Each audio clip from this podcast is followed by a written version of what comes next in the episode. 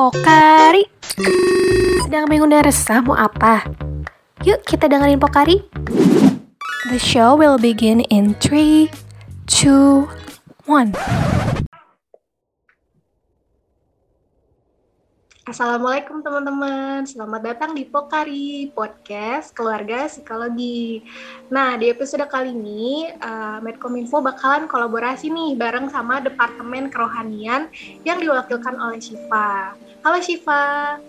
Halo semua, halo teman-teman. Kenalin, aku Shiva dari Angkatan 2020. Oke, salam kenal ya Shiva. Nah, Shiva, kali ini kita bakalan bahas tentang apa ya?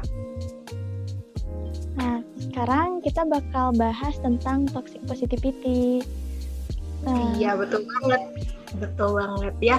Jadi uh, teman-teman semua mungkin udah sering banget sih ya dengar istilah mengenai toxic positivity ini gitu. Karena emang istilah ini tuh lagi happening banget sih. Iya teh, aku udah sering banget dengar istilah itu. Gimana kalau sekarang uh, kita bahas toxic positivity-nya bareng sama alumni psikologi Unisba yang keren biar ilmu kita makin nambah. Bener banget, boleh banget. Siapa tuh kira-kira narasumber kita hari ini? Narasumber kita hari ini namanya Teh Adeliani Biagi, SPSI. Halo Teh Adel. Halo Teh. Oke, halo. Halo Siva dan Hasna ya.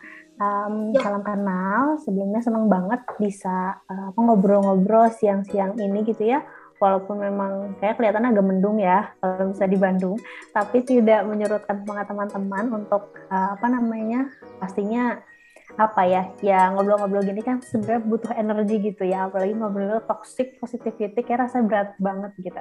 Jadi uh, let's enjoy Bismillah semoga nanti aku bisa menyampaikan apa yang uh, sesuai dengan yang teman-teman pengen tahu gitu ya. Gitu Oke, salam kenal ya Teh Adel. Senang banget nih sebenarnya bisa dapat kesempatan buat kolaborasi bareng alumni Fakultas Psikologi Unisba yang membanggakan ini ya Teh. Amin. Teh Adel, uh, sesuai dengan tema kita hari ini atau toxic positivity ya Teh. Sebelumnya uh, aku pengen nanya nih, kalau menurut Teh Adel sendiri toxic positivity, toxic positivity itu apa sih Teh? Oke, okay. jadi kalau misalnya ngobrolin uh, ke tema gitu ya, ngobrol toxic positivity. Sebenarnya kalau dari judul gitu ya, kita udah dihadapkan gitu dengan sebuah narasi maksudnya narasi di sini adalah uh, apa yang paling di highlight itu kan justru si, si toksiknya ini gitu ya. Nah, yang pastinya kita tahu gitu bahwa sebetulnya um, kan tidak selain toxic positivity, mungkin yang sekarang anak-anak psikologi sering dengar tuh kayak ada toxic people, kemudian toxic parent, terus juga ada toxic uh, apa namanya environment mungkin ya gitu. Kayak misalnya lingkungan yang toxic dan lain-lain gitu uh, itu tuh akhirnya menjadi sebuah label baru gitu. Label baru yang pada akhirnya sebetulnya kalau secara misalnya ya waktu itu eh, apa namanya ada uh, salah satu salah satu psikolog yang bilang bahwa oh ya Kang Zen Permana namanya. Beliau bilang sebenarnya kalau misalnya toxic positivity toxic ya toxic positivity dan toxic toxic yang lainnya sebetulnya tidak ada uh, apa istilah uh, secara saintifik gitu. Dalam arti kayak secara definitif di dalam DSM mungkin teman-teman psikologi tahu itu nggak ada secara langsung gitu tapi hanya itu tuh kayak buatan sebuah lingkungan yang akhirnya dipersepsikan menjadi sebuah uh, apa ya mungkin bisa jadi gangguan gitu ya atau mungkin kalau misalnya ada yang bilang toxic uh, parents gitu ya mungkin bisa jadi bukan toxic parent tapi jenisnya tuh abusive parent gitu atau misalnya eh, hal-hal uh, yang lainnya gitu yang menunjukkan sebenarnya arahnya konotasinya negatif lah ya intinya. Nah tapi gitu ya hari ini kita ngomongin sebenarnya sesuatu yang kayaknya tuh kok kayak uh, oh positif tapi kok toxic gitu rasanya tuh kayak oh bertolak belakang. Nah, maka dari itu sebenarnya aku pengen ngejelasin dulu sebenarnya kayak gimana sih uh, apa namanya persepsi orang-orang atau dari uh, apa namanya artikel-artikel yang aku sadur gitu ya mengenai si toxic positivity ini gitu. Nah, jadi mungkin Hasna sama uh, apa namanya Siva tuh udah juga sebelumnya ya, sebelum uh, apa ada di hari ini tuh baca-baca juga kan gitu. Uh, jadi simply sebenarnya ini tuh diawali dengan kayak sometimes ketika kalian tuh ngerasa nggak nyaman sama perasaan kalian gitu ya, terus kalian tuh nyoba curhat gitu ke orang lain gitu kan. Nah, tapi ternyata respon yang muncul dari teman kalian ini tuh cuman kayak sabar ya gitu atau it's okay gitu terus juga stay positif ya gitu. Pokoknya hal-hal yang sebetulnya seperti mensortkan perasaan kalian. Padahal sebetulnya uh, apa namanya uh, apa hmm, jadi akhirnya kayak seakan gitu ya uh, berpikiran positif sabar tuh nggak boleh tapi itu sebenarnya di mana sih yang salah gitu ya di mana yang salah kenapa sampai-sampai gitu ya hal-hal positif seperti itu hal-hal yang baik seperti itu tuh dibilang toksik gitu Nah, kalau itu kan dari uh, persepsi ketika kita cerita ke orang gitu ya. Tapi ternyata toxic positivity juga bisa dilihat dari apa ketika kita sendiri gitu ya. Eh, dari diri kita sendiri. Ketika kita misalnya uh, aduh, kita ngerasa ada ada ada muncul perasaan atau emosi yang tidak nyaman.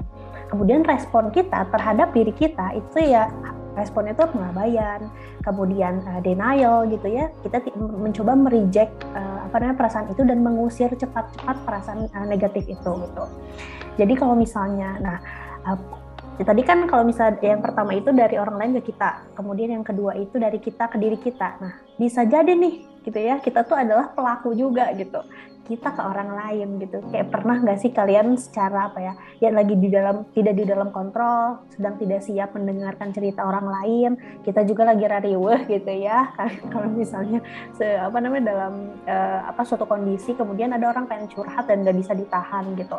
Maka bisa jadi kita juga melakukan hal itu gitu. Tapi kita kok bisa ya kita kenapa kayak gitu kenapa nanti mungkin akan kita bahas gitu. Jadi uh, kalau misalnya secara uh, apa namanya umum gitu ya uh, toxic positivity ini adalah suatu kondisi gitu di mana kita tuh mengeneralisasi hal positif dan kemudian uh, apa namanya kita melakukan penyangkalan terhadap emosi-emosi negatif yang hadir ke diri kita. Gitu. Gitu sih kalau misalnya cara definisi yang apa ya aku simpulkan dari beberapa sumber dan artikel. Begitu. Oke teh. Jadi toxic positivity ini tuh bisa dilihat dari diri kita sendiri ya teh ya? Kayak kata ya contohnya kalau misalnya uh, ketika kita ada perasaan yang gak nyaman tapi kita malah berusaha untuk denial gitu ya teh ya terus juga uh, oh. bisa jadi kita itu pelaku toxic positivity juga ya gitu ya jadi yeah. Iya. hanya orang lain tapi kita juga bisa loh uh, jadi pelakunya gitu apalagi ketika kita misalnya ada yang curhat terus kiranya nggak siap dia itu bisa jadi uh, kita yang jadi pelakunya ya teh ya seperti itu betul betul sekali gitu jadi selain gak siap by the way kita juga bisa jadi karena itu tuh nggak empati gitu. Nah nanti kita akan uh, apa cari lebih dalam gitu. Kenapa kita bisa bisa nggak empati? Kenapa kita bisa nggak siap gitu? Kenapa kita bisa uh, apa jadi orang toksik gitu ya? Nanti kan akan ada pertanyaan mungkin uh, berkembang ke arah sana gitu sih. Jadi sangat banyak penyebabnya dan uh, apa namanya ini juga sangat-sangat uh, apa ya justru itu penting gitu. Penting untuk saat ini diketahui walaupun memang kan di mana-mana ya kita dibahas di mana di mana-mana gitu. Tapi aku yakin ini uh, apa namanya jadi topik yang memang hmm, nggak hmm, boleh berhenti untuk dibahas gitu sih. Oke, kalau kayak gitu, aku mau nanya juga nih Teh, toxic positivity itu ada bahayanya nggak sih Teh? Kalau ada, apa aja ya kira-kira? Oke, okay kalau ngobrolin bahaya gitu ya udah pasti kan kalau misalnya kita udah ngobrol wah toxic nih gitu ya. Toxic kan racun ya kalau di, di dalam bahasa Indonesia gitu. Tentunya kan pasti membahayakan gitu tapi racun yang seperti apa nih gitu ya? Apakah memang uh, apa jadi sejauh apa bahayanya? Kemudian bagaimana uh, langkah prevensinya? Atau apa yang bisa kita lakukan gitu ya untuk meng, uh, apa mengurangi resiko gitu ya dari si toxic positivity ini gitu. Nah sebenarnya bahayanya itu ketika kita denial dengan uh, emosi kita sendiri, kemudian juga uh, kita nggak apa ya, nggak mencoba untuk jujur gitu ya, simply ke diri kita terhadap apa yang terjadi, itu tuh uh, apa namanya? ya pastinya nggak baik untuk kesehatan mental kita itu udah jelas gitu. Nah, kenapa? Karena jadi gini, analoginya tuh kayak kita luka nih gitu ya. Kita tuh luka, terus nggak kita obatin, kita biarin aja. Tentu akan infeksi dong gitu ya kan? Nah, infeksi inilah yang sebetulnya apa membahayakan tadi gitu. Jadi kita mengabaikan, kita mau apa ya, me, kalau misalnya bahasa menggampangkan gitu atau menyederhanakan gitu ya, emosi-emosi negatif yang kita rasakan hanya karena mungkin uh, uh, dipengaruhi oleh banyak faktor gitu ya. Tapi ketika kita mencoba mengubur dalam-dalam emosi-emosi kita, tentunya juga selain tadi infeksi, selain infeksi tadi gitu ya, kita percaya bahwa uh, kita punya kapasitas untuk menahan emosi. Maksudnya dalam arti kayak ada batas, ada batas di mana uh, kayak kita udah nggak bisa lagi dan akhirnya jadi meledak. Nah, uh, jangan sampai gitu ya uh, ketika uh, ya jangan sampai emosi negatif ini tuh yang sebenarnya harusnya tersalurkan yang harusnya keluar itu tuh ya jadi bom waktu buat apa buat diri kita sendiri gitu. Yang tentunya itu ya sangat-sangat tidak sehat. Nah bisa jadi hasil dari bom apa kayak apa damage gitu ya kalau bahasa anak sekarang tuh ya damage-nya tuh bisa jadi lebih besar dari masalah yang kita hadapi saat ini gitu kebayang nggak sih? Ya awalnya masalahnya mungkin kecil ya itu tadi gitu. Kayak luka. Mungkin awalnya cuman kayak uh, apa namanya kebaret kemudian uh, ya kulitnya dan uh, luka kecil lah gitu. Tapi akhirnya jadi infeksi kemudian jadi akhirnya tetanus misalnya dan lain-lain. Itu sama berkaitan dengan uh, hati kita gitu. Dengan uh, apa namanya ketika kita berhadapan dengan emosi negatif. Begitu gitu. Jadi uh, apa ya hmm, walaupun memang sebetulnya ini tuh itu tadi ya kalau misalnya nanti kan mungkin akan apa kita akan lebih banyak ngobrolin kayak faktor apa sih orang tuh bisa uh, being toxic atau bisa menjadi toxic untuk dirinya sendiri gitu. Karena um, mungkin apa ya kita nggak kita pertama sebenarnya toxic positivity ini positivity ini tuh nggak yang tiba-tiba uh, maksudnya muncul kemudian karena tren ya akhirnya gitu. Terus juga uh, orang tuh jadi ikut-ikutan gitu ya. Karena kan orang tuh sekarang apa gitu ya ikutan tapi ternyata ini tuh sudah ya dari dulu tuh sejak ad, udah ada gitu ya. Tapi gitu ya hanya mungkin orang sekarang gitu bilangnya itu toxic positivity gitu. Jadi uh, tentunya ini bahaya banget kalau misalnya kita emang nggak aware gitu. Kita nggak aware sebagai uh, misalnya mungkin pelaku, kita nggak aware uh, itu diri kita sendiri gitu. Dan uh, apa bagaimana kita juga memberikan apa ya awareness pada orang lain gitu bahwa itu bahaya banget gitu. Jadi ya, jangan sampai kita nggak jujur sama perasaan diri kita yang nantinya jadi bom atom buat mental kita sendiri ya teh. Betul, betul banget gitu. Jadi hmm, apa ya uh, ya jadi akhirnya sebenarnya sebenarnya sulit ya jujur ya. Eh, nggak mudah untuk jujur sama diri sendiri. Kita juga kan orang psikologi. Tentunya kita tuh sebetulnya punya kecenderungan gitu ya. Uh, apa namanya uh, aku nggak tahu sih aku pernah dengar dari dosen bahwa orang psikologi itu punya kecenderungan neurotis gitu. Uh, apa atau kecenderungan neurotik gitu Uh, karena kita saking empatinya, kita punya kapasitas empati yang lebih gitu ya. Akhirnya kita jadi mudah. Ini sebenarnya nggak hanya untuk anak psikologi sih gitu ya, tapi orang-orang yang memiliki kapasitas uh, apa empati lebih atau orang-orang yang memiliki kecenderungan neurotik tadi, maka akan uh, irritable ya kalau bahasanya psikologi itu jadi kayak mudah uh, apa namanya terluka gitu ya, atau jadi mudah tersinggung dan lain-lain gitu. Jadi kita juga harus uh, lebih aware gitu terhadap ini gitu. Ketika kita tahu bahwa uh, apa ini tentu nggak baik buat kita diri kita sendiri dan juga nggak baik untuk orang lain gitu. Oke okay, teh. Terus uh, tadi teteh sempat kan menyinggung mengenai faktor eh, faktor-faktor apa saja sih gitu yang menjadi penyebab dari toxic positivity gitu ya teh. Nah hmm. kira-kira ada faktor lain gak sih teh sebenarnya yang uh, utama mungkin atau faktor terbesar yang menyebabkan adanya toxic positivity itu? Oke, okay.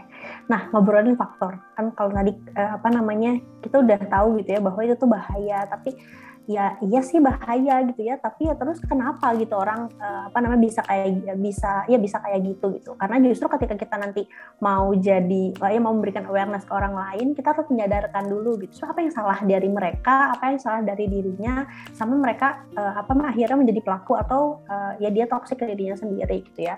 Nah sebenarnya ada empat hal yang utama yang membuat orang tuh bisa jadi uh, apa ya being toxic gitu. Nah dan sebenarnya kan core-nya itu ada core core-nya toxic positivity ini tuh ada pada kita tuh ingin cepat-cepat atau kita tuh ingin lantas mengakhiri gitu ya meru atau merubah sebuah kondisi negatif ke kondisi positif gitu. Tapi tidak mau memproses hal eh, mau memproses tidak mau memprosesnya terlebih dahulu gitu. Jadi kita tuh yang shortcut aja contoh misalnya aduh aku tuh capek, eh, aduh aku tuh sedih banget gitu ya, aku tuh capek banget, sumpah aku bener-bener gak kuat banget bisa sama hubungan ini gitu ya, kalau misalnya pacaran misalnya ya gitu. Uh, emang kenapa gitu? Kan kalau misalnya yang uh, apa namanya yang yang betul gitu ya yang mungkin lebih tepat tuh nanya dulu emang kenapa. Uh, terus misalnya uh, oh gitu gitu ya walaupun ya emang kayak kita nggak uh, mereka mungkin tidak berharap diberikan solusi gitu ya. Mereka cuma pengen katarsis aja mereka cuma pengen cerita aja gitu. Tapi kebetulan gitu ya yang merespon itu yang uh, apa nggak oke okay orangnya gitu. Tapi yang lebih tepat kan kenapa kemudian uh, apa sih yang dirasakan sudah mencoba berkomunikasi atau enggak itu at least sebenarnya kayak cuman yang mungkin gitu ya terkesan formalitas. Tapi itu tuh means a lot gitu buat orang-orang tersebut gitu karena dia cuma pengen didengerin gitu. Nah tapi kan kebanyakan ya aku coba banget ya udahlah sabar aja nih aku mah malah curhat balik gitu ya. Atau kadang aku juga sama tahu pernah kayak gitu. Kayak kan mereka kesel ya sebagai orang yang cerita tuh. Atau kadang jadi kayak uh, apa ya udah sabar aja bersyukur aja kali segitu juga udah punya ya misalnya ada yang ya punya pacar nih aku mah jomblo dan lain-lain gitu. Uh, itu. Terus ada juga yang kayak ya udah sabar aja gitu. Mungkin dia tapi maksudnya tuh langsung gitu ya terburu-buru tadi gitu. jadi core-nya itu diterburu-buru. Jadi pada akhirnya bukan nggak boleh uh, memberikan kalimat positif bukan nggak boleh memberikan apa namanya afirmasi positif gitu ya ke teman kita atau ke diri kita gitu. Tapi jangan di shortcut prosesnya gitu. Ya apa berproses dari awal gitu ya kita kenapa terus uh, apa yang harus apa yang bisa dibantu dan sebagainya. Nah uh, kita masuk ke faktor utama ke faktor-faktor. Yang pertama Gitu. Jadi ada budaya atau anggapan gitu ya bahwa perasaan negatif itu buruk dan perasaan positif itu baik gitu. Padahal sebenarnya eh, nggak uh, ada gitu uh, apa namanya sebenarnya nggak ada uh, emosi itu yang lebih baik gitu. Jadi semua tuh sifatnya setara kayak gitu. Walaupun sebenarnya sekilas tuh kayak emosi yang satu tuh yang memang lebih menyenangkan ya kan, kayak misalnya kayak misalnya contoh dikasih hadiah gitu ya, kita kan seneng gitu ya. Terus kemudian uh, apa namanya ada uh, misalnya ditinggal uh, meninggal misalnya gitu ya, itu akhirnya kan kayak itu perasaan tidak menyenangkan gitu. Nah uh, tapi gitu ya uh, kalau bisa kita contoh deh gitu ya. Kalau mereka tuh misalnya emosi negatif adalah salah, adalah uh, buruk, kemudian positif adalah baik. Contoh gini. Jadi ada orang gitu ya yang uh, apa dapat undian dari uh, apa namanya kayak SMS gitu itu seneng kan? Itu perasaan seneng ya? Terus dia lantas percaya gitu. Akhirnya dia transfer uang dan lain-lain. Kebayang nggak? Itu ketika it, uh, it, uh, ternyata dia ditipu. Nah itu tuh kan awalnya tuh gara perasaan gara-gara perasaan positif ya gara-gara seneng. Tapi resultnya ternyata negatif dong gitu ya. Karena apa? Karena dia tidak memproses hal itu gitu ya kan? Karena dia tidak memproses uh, si perasaan senang itu. Sama dengan ketika kita tidak memproses apa? Emosi-emosi negatif kita. Contoh misalnya kita mau nyebrang terus harusnya kan eh, apa ya uh, apa uh, umumnya orang mau nyebrang tuh ada rasa takut ya kan? Ada rasa takut untuk uh, apa namanya karena kan takut ketabrak dan lain-lain. Terus dia tuh kayak mengabaikan rasa takut itu yang jalan aja. Kira-kira apa yang terjadi? Ketabrakan nah apa namanya itu tuh kan Nah dalam itu tuh salah satu contoh gitu gimana gimana apa gimana uh, simply kita yang mengabaikan perasaan-perasaan uh, apa emosi-emosi negatif. Jadi kayak nggak selamanya uh, apa namanya emosi apa emosi negatif itu uh, berpengaruh buruk dan gak selamanya emosi positif itu berpengaruh baik. Gitu. Jadi mereka itu setara, baik peran dan fungsinya juga setara gitu. Nah jadi uh, sayangnya gitu ya label emosi negatif dan positif ini tuh uh, dianggap seakan-akan menggambarkan kualitasnya gitu. Bukan tentang si emosinya. Kemudian misalnya ketika kita misalnya emosinya harus uh, emosinya datang kemudian kita tuh harus apa gitu ya uh, kan itu yang penting gitu. Tapi ini mah itu tadi kita fokus pada labelnya. Jadi kayak nggak boleh gitu ngerasain emosi negatif gitu rasanya.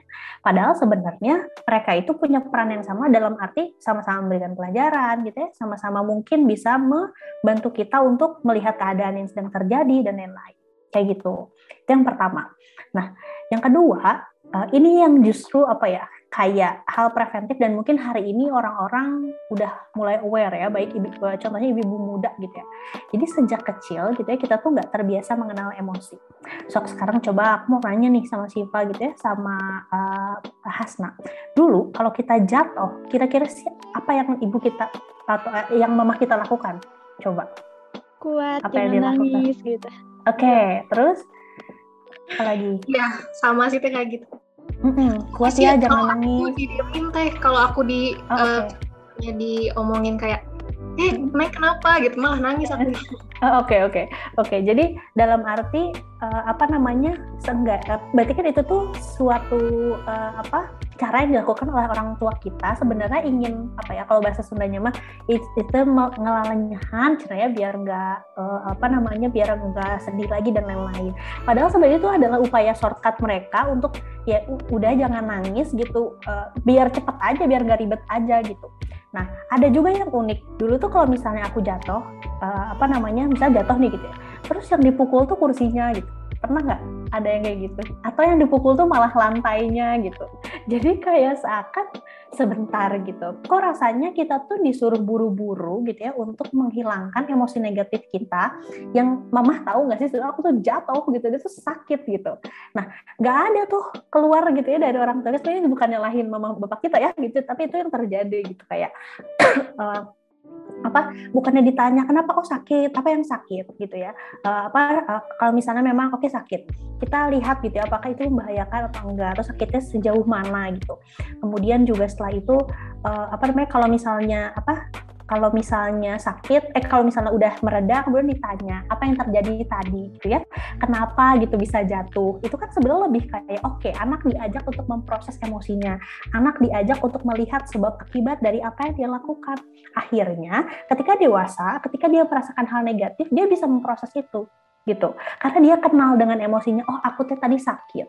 Oh aku tuh tadi jatuh penyebabnya ini. Maka aku tidak boleh seperti ini. Agar aku tidak jatuh lagi. Itu kan sebenarnya penyelesaian masalah yang mungkin gitu ya orang-orang besar sekarang datang ke psikolog itu tuh cuma butuh pola itu doang gitu cuma butuh paham pola itu doang kan gitu ya. Untuk menyelesaikan masalahnya walaupun pasti masalah kan semua berat ya gitu. Nggak ada yang mudah. Tapi ketika misalnya pola itu sudah tertanam di dalam uh, apa namanya kepala kita sejak kecil gitu maka uh, apa kita kayak kita punya tabungan gitu. Punya tabungan atau punya uh, apa uh, ya pada saat dewasa nanti ketika kita menghadapi masalah dengan emosi yang sama maka kita tahu cara menyelesaikannya kayak gimana kayak gitu. Jadi ketika punya adik atau punya ponakan atau nanti mungkin punya anak gitu ya, kita tuh harus uh, apa namanya terbiasa untuk mengenalkan emosi pada mereka dan mem, apa biarkan mereka untuk memproses emosinya gitu. Jadi kita enggak yang uh, apa namanya alih-alih ingin cepat-cepat mengakhiri gitu ya uh, emosi apa uh, emosi negatif tersebut dan menyingkirkan emosi negatif tersebut, tapi uh, ya apa kayak biarin dia ngerasain itu gitu karena ya biar nanti dia cakap secara emosi ketika uh, apa dewasa menghadapi masalah yang lebih besar gitu. Itu kan jatuh sama rebutan mainan aja misalnya. Itu kan hal kecil kan yang mungkin nanti mah gitu ya pas gede masalahnya bisa lebih besar. Gitu. Tapi kalau bisa tidak dilatih untuk berhadapan dengan konflik, berhadapan dengan emosi negatif, maka akan sulit gitu. Jadi itu yang menyebabkan orang-orang sekarang juga uh, apa namanya being toxic ke dirinya dan mungkin jadi pelaku toksik untuk orang lain gitu itu yang kedua ya kan nah kemudian uh, apa namanya yang yang ketiga jadi oh ya apa ya yang ketiga. Jadi orang itu hmm, uh, tadi aku nyinggung kan ya ke Siva gitu bahwa kalau misalnya kita nggak siap gitu ya. Nah, jadi kan kita tuh orangnya empat nih. Ketika kita misalnya gini uh, ada orang cerita. Kemudian uh, contoh misalnya psikolog ya. Misalnya kita berdoalah kita insya Allah semua jadi psikolog. Misalnya seorang psikolog kebayang ya gitu ya tiap hari teh orang teh curhat datang gitu ya sehari misalnya dua klien teh kira-kira mereka yang cerita. Itu tuh cerita yang senang atau yang gak senang yang nggak seneng. yang nggak seneng kan? Pasti yang kebanyakan yang nggak seneng gak yang eh teh tahu nggak? Aku seneng banget loh. Jarang ya orang yang datang psikolog kayak gitu. Kalau yang kayak gitu mah yang datang kan kadang ke temen gitu ya atau jarang gitu. Nah sebagai psikolog gitu kita dituntut untuk berhadapan dengan itu setiap hari literally setiap hari Nah, ditambah tadi aku bilang bahwa anak-anak psikologi itu punya empat yang uh, apa namanya tinggi gitu ya. Ketika empatnya tinggi, jadi kan sebenarnya uh, apa namanya kita tuh punya kapasitas uh, setiap orang itu diberikan Allah gitu ya, uh, punya kapasitas untuk empati walaupun kita kita tuh nggak born with it gitu. Kita nggak yang lahir dengan empati uh, sekian gitu ya. Nggak uh, ketika lahir apa uh, jadi kayak anak oh iya orang ini mah uh, udah dari lahir emang 90% bawaannya empatinya enggak gitu. Tapi empati itu bisa dilatih karena ada uh, apa namanya di otak kita tuh ada bagian otak uh, namanya mirror neuron di mana kita tuh itu tadi bisa bisa memahami uh, apa perasaan orang lain, bisa menjadi empati. Maka uh, apa namanya kapasitas empati itu tentu kita kita miliki gitu ya. Nah, ketika orang cerita terus teh dia kan pasti sedih gitu ya dia suffer kan dia pasti kayak uh, menceritakan penderitaan gitu ya kebanyakan gitu nah karena kita empati akhirnya jadi kayak ke transfer dong ke kita si energi itu gitu ya si penderitaan itu. Maka kita akhirnya ngerasain. Nah ketika kita nggak siap gitu ketika kita nggak bisa meregulasi emosi kita maka suffering itu tuh seperti ke transfer dan akhirnya jadi kita ngerasa nggak nyaman ya kan? Nah perasaan tidak nyaman itulah gitu ya ketika kita nggak bisa meregul meregulasinya maka itu tuh bisa eh, kita tuh bisa mengeluarkan respon uh, apa shortcut uh, apa respon shortcut yang apa ya? Jadi dalam arti kita juga jadi ingin mengakhiri penderitaan yang kita rasakan gitu. Dari uh, cerita dia. Simpelnya gini. Uh, kita kita bilang sama dia ya udah bersyukur aja gitu. Akhirnya gitu ya. Jadi ada orang yang ketika orang ketika orang itu nggak siap gitu dengan menerima atau nggak siap empat nggak siap uh, apa namanya ke transfer energi negatifnya maka dia akan apa? Maka dia akan uh, cepat-cepat mengakhiri gitu dengan ya udah kalau bersyukur aja. Sebenarnya itu tuh bukan nyuruh dia betul-betul bersyukur gitu. Tapi ingin cepat-cepat mengakhiri karena dia juga nggak kuat gitu. Karena dia juga lagi karena dia merasa itu tuh perasaannya nggak nyaman gitu. Karena itu tadi uh, apa kita nggak bisa meregulasi bahwa ya dia lagi cerita nih gitu ya. Dia lagi cerita uh, apa namanya hal-hal terkait dengan penderitaan gitu. Kondisinya kita juga lagi nggak oke okay, gitu. Nah maka gitu ya akhirnya energi yang harusnya kita kasih ke dia gitu ya itu tuh jadi habis untuk menutupi uh, apa namanya kasarnya ketidaknyamanan yang kita rasakan sendiri. Jadi itu tuh kayak malah buat malah balik gitu. Nah itu yang membuat seseorang uh, apa namanya sering kali mensorkat ketika uh, sedang bercerita. Maka perlu di ya kita sebagai yang cerita gitu ya uh, atau mungkin ketika misalnya kita bercerita kita nanya dulu gitu bisa uh, apa namanya siap nggak gitu uh, apa lagi oke okay nggak minimal gitu lagi oke okay nggak kalau misalnya lagi oke okay, mau cerita nih. Atau kalau misalnya ketika ada yang cerita terus kita nggak oke okay, kita jujur juga gitu bahwa bisa nah, bisa ditunda nggak gitu atau boleh tahu nggak masalahnya apa gitu. Nanti setelah itu uh, apa namanya apa uh, apa kayak aku minta waktu gitu ya untuk memproses ya semoga juga bisa bantu untuk apa namanya ngasih insight gitu nanti kita lanjut ngobrol soalnya lagi nggak oke. Okay. itu kan salah satu bentuk self love juga ya misalnya kayak uh, daripada gitu nanti kita jadi toxic buat dia mendingan kita tunda kayak gitu. Jadi um, kasarnya nggak selamanya uh, misalnya uh, mungkin kita paham bahwa orang butuh dimengerti gitu tapi diri kita juga tetap gitu butuh dimengerti gitu. Itu yang ketiga. Kemudian yang terakhir kita tuh sering kali uh, ya sebagai manusia gitu ya tentunya kita kan uh, salah satu apa salah satu cirinya itu kan menghindari rasa sakit gitu ya. Nah uh, selain kita apa ingin menghindari rasa sakit kita juga ingin cepat-cepat cepat-cepat mengakhiri itu. Kayak misalnya kalau tadi kan uh, apa namanya kita uh, ingin ingin buru-buru orang tuh nggak nggak apa nggak cerita gitu ya sama udah iya udah deh gitu kan. Aduh ini nggak nyaman nih di gue nya juga gitu ya kayak karena lagi carousel oke gitu. Karena kan mendengarkan itu kan butuh energi kan gitu. Mendengarkan tuh butuh uh, apa namanya butuh kesiapan gitu. Karena uh, beda mendengar dengan mendengarkan kan. Kalau mendengar doang mah ya sok lah ngomong terserah mau gimana juga apa namanya nggak usah kita pahami gitu ya. Tapi kalau mendengarkan kan kita tuh kalau udah dapat uh, apa mata kuliah konseling kan pasti kayak harus ngeparaphrase, kemudian juga harus ngambil inti dari obrolan gitu ya. Seperti misalnya uh, Hasan dan Syifa sedang mendengar, mendengarkan aku di uh, apa di akhir aku berbicara, pasti kan akan menyimpulkan nih ini apa nih gitu. Nah itu kan sulitnya mendengarkan gitu. Maka dari itu uh, apa karena kita ya itu tadi waktu kecil terbiasa untuk uh, apa namanya mensor apa mensorkat atau mengakhiri perasaan negatif kemudian juga uh, kita tidak di apa kita tidak apa ya tidak siap dan ketika lagi nggak siap nggak jujur gitu ya ke orang-orang yang cerita sama kita gitu uh, apa namanya maka sebenarnya ya akhirnya jadi uh, si si perilaku toksik ini tuh bisa jadi muncul kayak gitu. Jadi kayak apa namanya ya banyak banyak sebenarnya uh, penyebab-penyebab yang akhirnya ketika disimpulkan ya ini toxic positivity ini tuh bukan berarti positifnya nggak boleh gitu. Tapi kadang-kadang kita terburu-buru terburu-buru untuk apa? Untuk mengakhiri emosi negatif yang dirasakan. Begitu. Itu sih kalau misalnya apa penyebab-penyebab uh, apa namanya utamanya gitu ya. Gitu. Oke, teh berarti uh, ada yang dari haknya simpulkan ya teh ada empat hal utama nih yang yang bisa uh, menyebabkan atau menjadi faktor dari toxic positivity. Yang pertama ini ada budaya atau anggapan bahwa perasaan negatif itu buruk dan uh, perasaan positif itu baik ya teh ya. Nah padahal emosi itu semuanya setara gitu. Kemudian nggak selamanya emosi yang negatif itu buruk dan nggak selamanya emosi uh, yang positif itu baik gitu ya. Kemudian yang kedua sejak lahir atau eh enggak sorry sejak kecil itu kita terbiasa uh, kurang terbiasa untuk mengenal emosi ya teh ya.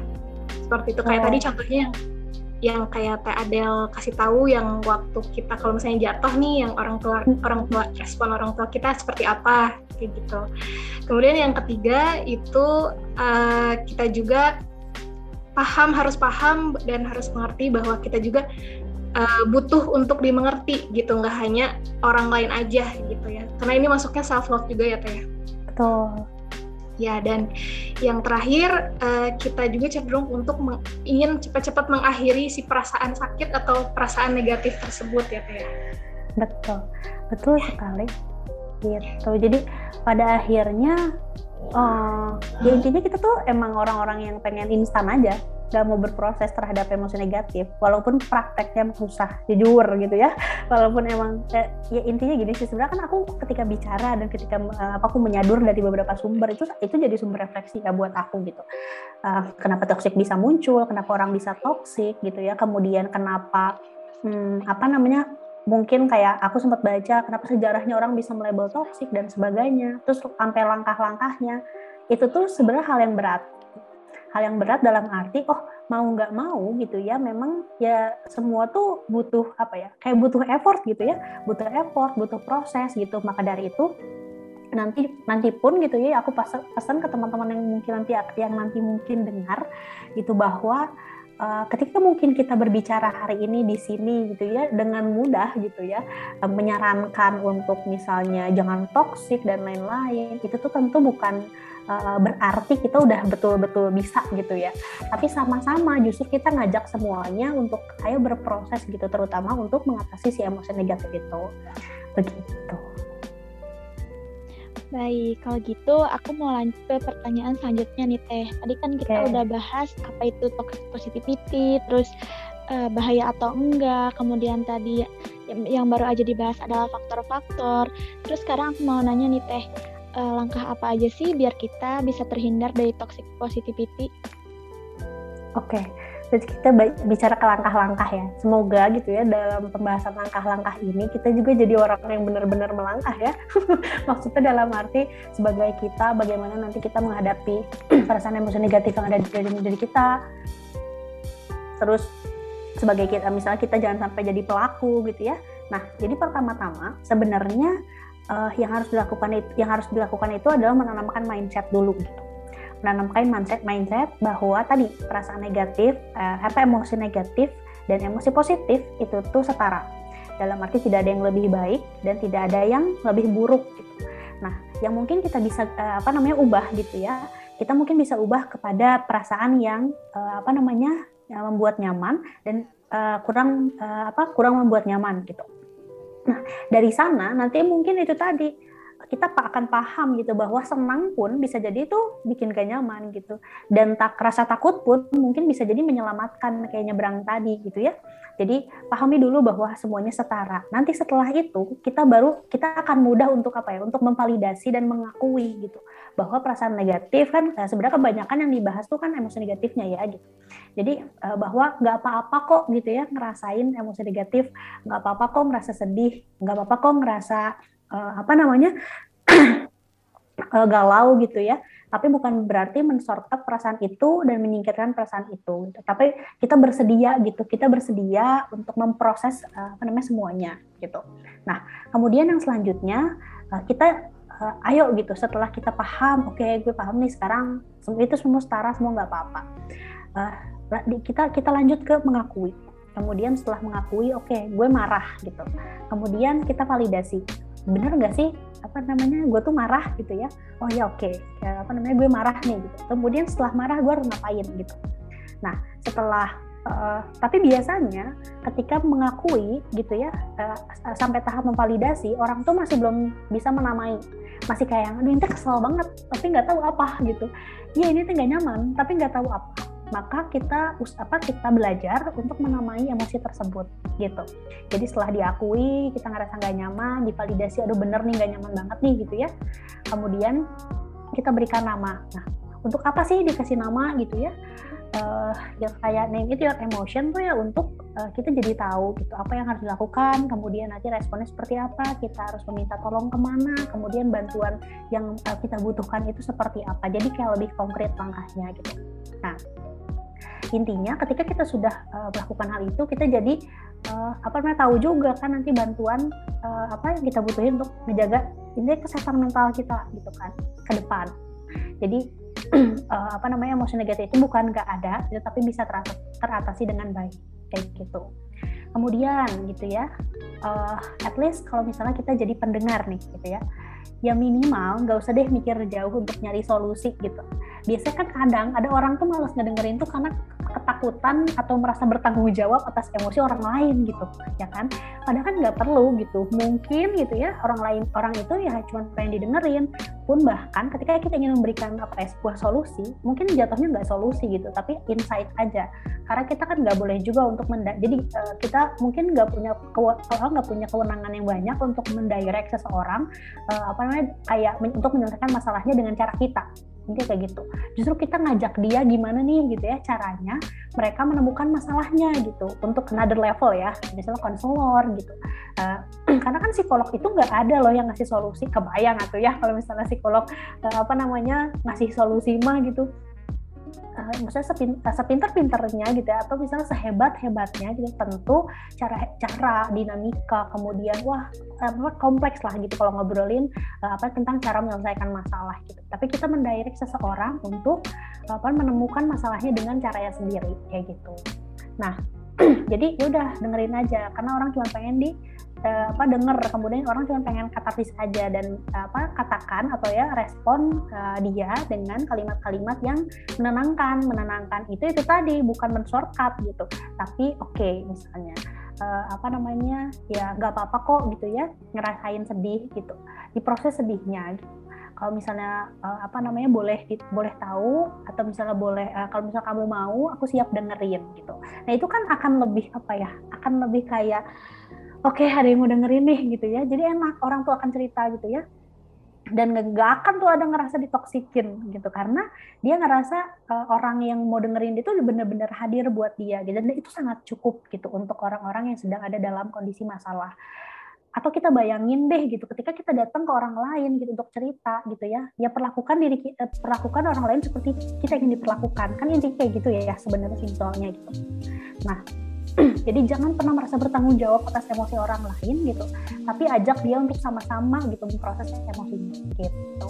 Nah, terus uh, apa namanya naik pagi gitu ya. Biasanya ketika kita merasakan perasaan negatif, maka uh, apa kadang berkembang jadi pikiran-pikiran negatif gitu ya. Berkembang jadi pikiran-pikiran negatif. Nah, biasanya apa maka kemunculan emosi negatif tadi biasanya bersamaan dengan pikiran-pikiran negatif. Nah, yang parah adalah ketika sudah masuk ke apa muncul gitu ya si pikiran negatif ini, maka orang itu akan apa ya cenderung uh, misalnya lebih sulit gitu, lebih sulit untuk uh, mengontrolnya gitu, karena udah udah jadi belief kadang gitu, karena kan kalau udah jadi pikiran tuh udah, udah kayak dipercaya udah udah tertanam gitu ya, bisa dia marah gitu ya, adalah emang uh, gue nggak becus misalnya jadi ibu bisa contoh gitu ya, ketika uh, kasusnya uh, apa misalnya ada postpartum depression dan lain-lain. Nah, padahal sebenarnya dia tuh cuma pengen dipahami gitu ya, pengen cuma cuma pengen di uh, apa namanya mengerti, pengen cuma cuma pengen didengarkan dan cuma dia cuma dia cuma perlu paham bahwa kondisi itu tuh adalah kondisi yang wajar gitu misalnya ketika melahirkan, stres dan lain-lain. Gitu. Nah, saya aku mau, mau jelasin salah satu konsep. Jadi ada namanya uh, apa konsep cognitive appraisal atau uh, jadi maksudnya si cognitive appraisal itu gimana sih gitu ya? Jadi ketika misalnya kita punya pikiran negatif gitu ya, maka cara yang bisa kita lakukan gitu yang pertama itu adalah menyadari gitu bahwa pola berpikir negatif yang kita alami ini tuh uh, kita bisa ubah menjadi lebih efektif gitu. Maksudnya di rumah jadi lebih efektif itu kayak kita bingkai ulang situasinya kita cek lagi gitu ya biar si situasi itu tuh bisa jadi lebih realistis gitu. Karena ketika kita udah ber, berhubungan dengan emosi gitu ya maksudnya kita udah kalut udah tenggelam maka sulit kan untuk berpikir realistis. Pasti ya mikirnya itu ya ke mana-mana gitu ya. Kita nggak bisa mikir semua kondisi yang sebenarnya tuh kayak gimana sih? gitu ya. Sebenarnya nggak separah itu kok gitu misalnya. Atau mungkin oke okay, setelah validate oke okay, ini ini ini ini ini parah nih masalahnya misalnya gitu. Tapi orang itu tadi ngesorot gimana caranya ini biar cepet-cepet hilang? gitu. Bukan cari cara langkah-langkahnya gimana. Nah si cognitive appraisal ini jadi kayak ngebantu kita untuk kayak misahin gitu antara keadaan yang sebenarnya dengan penilaian yang kita miliki atas uh, apa namanya uh, kejadian tersebut. Kayak misalnya contohnya kalau uh, kita kan kadang ya mikir cuman hmm, ya pokoknya kepala kita tuh kadang berisik sama hal-hal yang sebenarnya nggak terjadi yang overthinking ya gitu ya kalau misalnya ah enggak ya nah, dan lain-lain dan lain-lain gitu. Padahal gitu sebenarnya ya keadaannya nggak seperti itu gitu. Nah maka ketika misalnya kita uh, coba menerapkan konsep itu kita coba realistis dengan apa kondisi yang ada kita apa hmm, apa ya kita ngasih jeda antara pikiran dan perasaan kita gitu. Bukan jeda maksudnya kita kasih kasih kasih barrier sebentar gitu. Kayak ini ini bener nggak sih apa yang uh, apa namanya uh, kita, uh, gue rasain gitu ya. Dan selanjutnya nanti kita bisa uh, apa namanya ikutin nih langkah-langkahnya yang Martin Seligman atau Bapak Psikologi Positif biasanya lakukan. Dan ya ini konsep yang dia punya untuk menyelesaikan masalah atau menghadapi emosi negatif biar gitu ya uh, apa namanya apa tidak menjadi belief atau tidak menjadi pemahaman yang membuat uh, respon kita terhadap, terhadap masalah menjadi tidak efektif. Gitu. Jadi Martin Seligman tuh pernah bilang dia punya konsep katanya uh, jadi konsepnya itu namanya tuh ABCDE gitu. Nah, ABCDE itu singkatan. Jadi yang pertama, kan tadi kita udah punya pikiran negatif, kemudian uh, apa namanya secara kognitif kita udah bisa nih memisahkan, oke ini yang realistis gitu ya, ini yang tidak realistis, ini cuma perasaan-perasaan aja gitu, ini yang sesungguhnya. Nah sebenarnya ini self help sih, self help ketika misalnya kita uh, apa namanya ada dalam kondisi uh, apa ya kalut di dalam kondisi emosi negatif tapi kita nggak uh, apa ya nggak bisa ada kasarnya uh, mungkin bantuan dari orang lain itu belum membantu gitu ya sebelum mungkin kita bisa pergi ke uh, apa namanya psikolog. Nah yang pertama tuh ada adversity atau rintangan. Coba deh kalau misalnya kita lagi mikirin negatif atau ada dalam satu kondisi emosi negatif gitu ya kita definisiin dulu nih sebenarnya yang kita hadapi itu apa sih? Bisa jadi misalnya gitu kita tuh hanya fokus pada hal-hal yang subjektif gitu kita nggak fokus sama hal yang objektif. Contoh misalnya gini, teman-teman tuh kan presentasi nih gitu ya. Kemudian setelah selesai presentasi, teman-teman tuh merasa teman-teman tuh tidak uh, apa namanya, ya bodoh banget lah gitu ya. Kemudian nggak bagus banget lah gitu ya si presentasinya teh gitu. Uh, padahal teman-teman tuh cuman apa ya cuman gagap aja gitu cuman terbata-bata ketika lagi cerita eh, ketika lagi presentasi atau cuman salah gara-gara teman-teman misalnya lupa gitu ya lupa part sekian gitu ya nggak kesebutin karena nggak kebaca kayak gitu. Tapi setelah presentasi tuh kalut habis gitu kayak aduh aku aduh aku bodoh banget dan lain-lain dan lain-lain. Nah coba kita kita lihat rintangannya atau ada tersitinya gitu. Sebenarnya yang kita hadapi itu tuh kan terbata-batanya atau lupanya kan gitu bukan secara keseluruhan kita tuh yang nggak bener gitu. Nah kadang-kadang gitu ya orang tuh mengeneralisasi pokoknya aku bodoh tadi ah pokoknya nggak bagus banget dan lain-lain dan lain-lain gitu. Akhirnya kan jadi tertanam jadi belief gitu kan yang B. Nah masuk ke yang B B-nya itu belief. Jadi kayak uh, gara-gara gara-gara hal tadi gitu jadi kita percaya bahwa kita tuh bodoh tapi kita cek lagi bener gak sih? gitu ya kita tuh beneran bodoh gitu. Apakah misalnya uh, apa namanya sebenarnya itu perasaan doang dan lain-lain gitu ya biasanya langsung uh, bisa mas, langsung masuk kita tuh langsung percaya langsung menanamkan uh, apa namanya hal tersebut gitu nah kemudian setelah itu uh, tapi kita cek lagi nih ada C gitu. C itu konsekuensi gitu. konsekuensinya apa sih sebenarnya kalau misalnya gue lupa terus konsekuensinya apa sih kalau misalnya aku tuh uh, tadi terbata-bata misalnya gitu ya oh ternyata konsekuensinya uh, apa namanya orang lah apa mungkin nggak sampai nilainya jelek juga kok gitu. Itu adalah hal yang masih dalam tahap wajar kok gitu kan. Nah kemudian kalau misalnya apa sih salahnya dengan terbata-bata gitu ya? Namanya juga kan lagi belajar dan lain-lain gitu. Jadi oh ternyata nggak bisa jadi nggak ada konsekuensinya gitu gitu kan. Nah setelah itu kita coba melakukan sanggahan atau disputation ya yang D nih gitu. Kita coba ditantang. Tadi kan belief ya kita percaya bahwa kita bodoh gitu ya gara-gara presentasinya terbata-bata misalnya kita tantang lagi belief kita. Kita pertanyakan emang iya ya orang bakal menganggap bodoh pertama? Atau emang iya ya benar kita kelihatan bodoh? Kan belum tentu gitu. Jadi kita dispute gitu. kita sanggah si uh, apa namanya pikiran itu. Nah setelah di dispute coba kita melakukan energization. Kita rasain gitu. Ketika tadi kita udah berhasil membantah atau mempertanyakan belief kita itu apa yang terjadi? Perasaan kita berubah nggak atau perasaan kita uh, jadi lebih enakan nggak? Gitu. Apa yang berubah? Terus apa yang bisa kita lakukan untuk memperbaiki masalahnya? Gitu. Itu. Jadi tadi ya udah A B C D. Jadi itu adalah tahapan-tahapan yang bisa kita lakukan ketika kita merasakan emosi negatif dan itu sudah apa namanya berkembang ke dalam pikiran kita. Kayak gitu. Jadi uh, apa intinya apa ya ketika kita lagi merasakan hal seperti itu jangan hanya menanamkan belief aja gitu. Jangan selesai di belief gitu. Tapi harus dipertanyakan belief tersebut. Apa eh, apa pikiran-pikiran tersebut perlu dipertanyakan. Kemudian emosi negatifnya juga perlu dipertanyakan. Kayak bener nggak sih gue marah gitu ya? Bisa jadi memang uh, itu tuh nggak marah tapi kesal. Itu tuh kan beda ya gitu. Bisa jadi nggak marah tapi itu tuh sayang gitu. Bisa jadi itu nggak marah gitu. Tapi iri itu kan beda ya gitu kalau kita bisa betul-betul menamainya maka nanti kita akan bisa tahu gitu gimana cara mengatasinya kayak gitu. Jadi sebenarnya kalau misalnya kita sedang menghadapi masalah itu tuh sama kayak study tour. Kalau misalnya aku pernah baca video eh, apa dengar video dan itu apa eh, video itu bilang gitu ya kalau kita lagi menghadapi masalah kita itu kayak study tour itu benar banget gitu. Jadi kita harus mempertanyakan ini kenapa, ini bagaimana gitu. Kemudian ini tuh asalnya dari mana dan sebagainya. Kita eksplorasi masalahnya gitu. Dalam arti sebenarnya tentu ya gitu balik lagi ini nggak mudah gitu. Tapi pahami itu sebagai uh, apa sebagai proses kebayang kalau misalnya jadi masalah itu kan biasanya kompleks gitu ya. Tapi akan menjadi lebih kompleks ketika, ketika tidak diurai gitu kan. Nah maka dari itu uh, utamanya anak-anak psikologi kita belajar gitu untuk nanti jadi pengurai masalah uh, masalah-masalahnya orang lain gitu.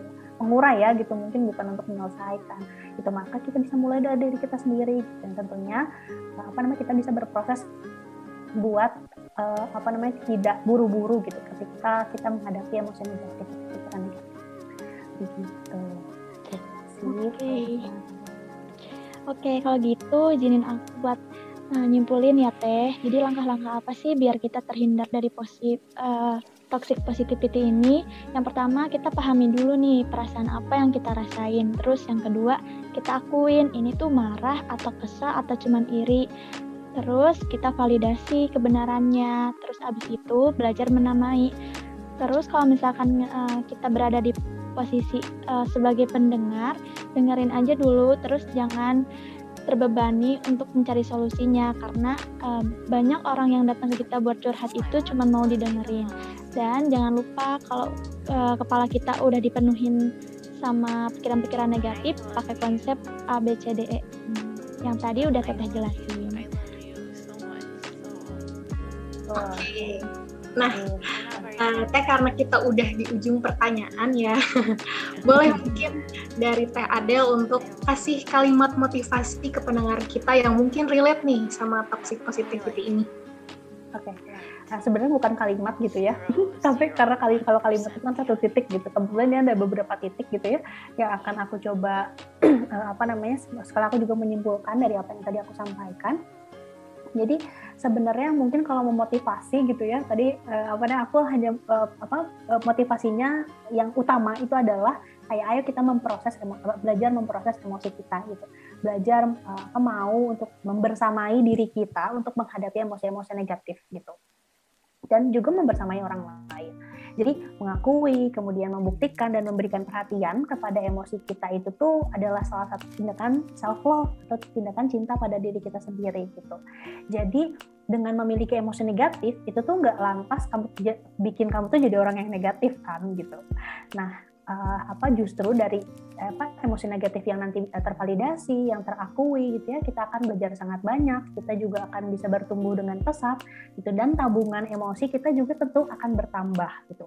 Karena ketika kita misalnya udah paham, udah bisa menamai, kemudian dari menamai bisa menyelesaikan gitu ya, atau misalnya minimal aja bisa uh, tahu langkah apa yang bisa dilakukan untuk merilis uh, emosi tersebut. Maka itu jadi tabungan ketika nanti suatu saat anak kita suami kita apa namanya adik kita siapa pun teman-teman kita merasakan hal yang sama kita bisa berbagi hal itu gitu. Jadi in, apa tentunya emosi negatif itu nggak sel nggak selamanya menjadi negatif gitu. Dan terus gitu ya kalau misalnya kalian lagi dijuratin teman please stop that positif mantra gitu. Jadi kayak uh, boleh ngasih positif mantra boleh ngasih tahu sabar tapi nanti di akhir. Karena uh, pada akhirnya jangan sampai juga nih gitu ya kita tuh jadi nggak bisa nggak boleh ngasih apa uh, pemahaman ke orang kayak sabar ya gitu Padahal boleh gitu, tapi sabarnya jangan sabar yang pasif, tapi sabar yang aktif. Sabar yang aktif itu seperti apa yang tadi sudah dijelaskan. Itu bahwa kita tahu langkah-langkah apa yang harus kita lakukan untuk menyelesaikan masalah-masalah kita. Jadi validate uh, emotion, feel apa, apa that emotion, kemudian juga itu nggak itu gak sulit kok gitu ya, maksudnya kayak uh, please gitu ya kita jadi good uh, good listener gitu. Dan uh, apa jadi teman yang baik gitu ya, baik untuk diri kita, untuk untuk orang lain juga. Itu dan emosi negatif sama positif itu harus imbang kayak ibarat baterai ya kata kalau kata dokter Jimmy Adrian ibarat baterai kalau nggak ada yang negatifnya nggak akan nyala katanya. Makanya anggap aja nih hidup itu kayak baterai katanya. Dan uh, apa justru yang bermasalah itu kita jangan tenggelam pada salah satunya katanya. Jadi uh, terus gimana caranya agar tidak tenggelam? Itu tadi kita pahami, kita regulasi, kita pisahkan, kemudian juga kita cari pertolongan dan cari bantuan. Uh, apa jangan sampai kita uh, apa buru-buru mengabaikan emosi tersebut gitu. Jadi mungkin segitu aja sih kalau dari aku. Jadi uh, pesan aku hmm, ya itu jadilah teman yang baik untuk orang lain dan untuk diri sendiri ketika uh, apa namanya berhadapan dengan emosi negatif. Baik, terima kasih banyak ya Adel udah mau mau menyempatkan jadi narasumber di episode Pokari kali ini. Makasih banyak juga ilmunya sangat bermanfaat. Eh, Mami, satu teman juga ya. Uh, apa nama buat Sipa dan Hasna sudah ngajak aku ngobrol-ngobrol siang hari ini. Iya, makasih banyak Teh ya. Semoga yeah. uh, ilmu yang dibagikan hari ini bisa bermanfaat dan juga aku mewakili teman-teman yang lain mau mengucapkan makasih banget ke Teh Ada udah mau jadi narasumber kita pada hari ini. Semoga uh, Teh Ada dilancarkan dalam segala halnya ya Teh ya. Amin. Amin, amin. Mohon maaf juga ya si Fahna kalau misalnya ada penyampaian yang kurang, uh, aku bersedia sangat untuk berdiskusi. Nanti kalau misalnya ada ada yang pengen menyanggah gitu ya, enggak kayak gitu teh, misalnya gitu ya, mangga dipersilahkan. Uh, apa salam juga kepada teman-teman apa BEM yang lain gitu ya. Semoga semua terus berproses jadi lebih keren. Amin. Amin. Terima kasih Teh Terima kasih banyak ya Adel. Makasih juga teman-teman yang udah dengerin uh, episode Pokari kali ini bareng Keranian. Jangan lupa dengerin episode-episode uh, selanjutnya ya. Bye. Bye. Terima kasih Teh. Ada enak. Sami-sami. Terima kasih kepada teman-teman yang udah nyempetin waktunya untuk ngedengerin podcast psikologi Unisba ini. Jangan lupa di-share ke teman-teman yang lain dan jangan lupa juga terus pantengin Instagram BEM Psikologi Unisba untuk tahu episode-episode menarik selanjutnya. See you soon!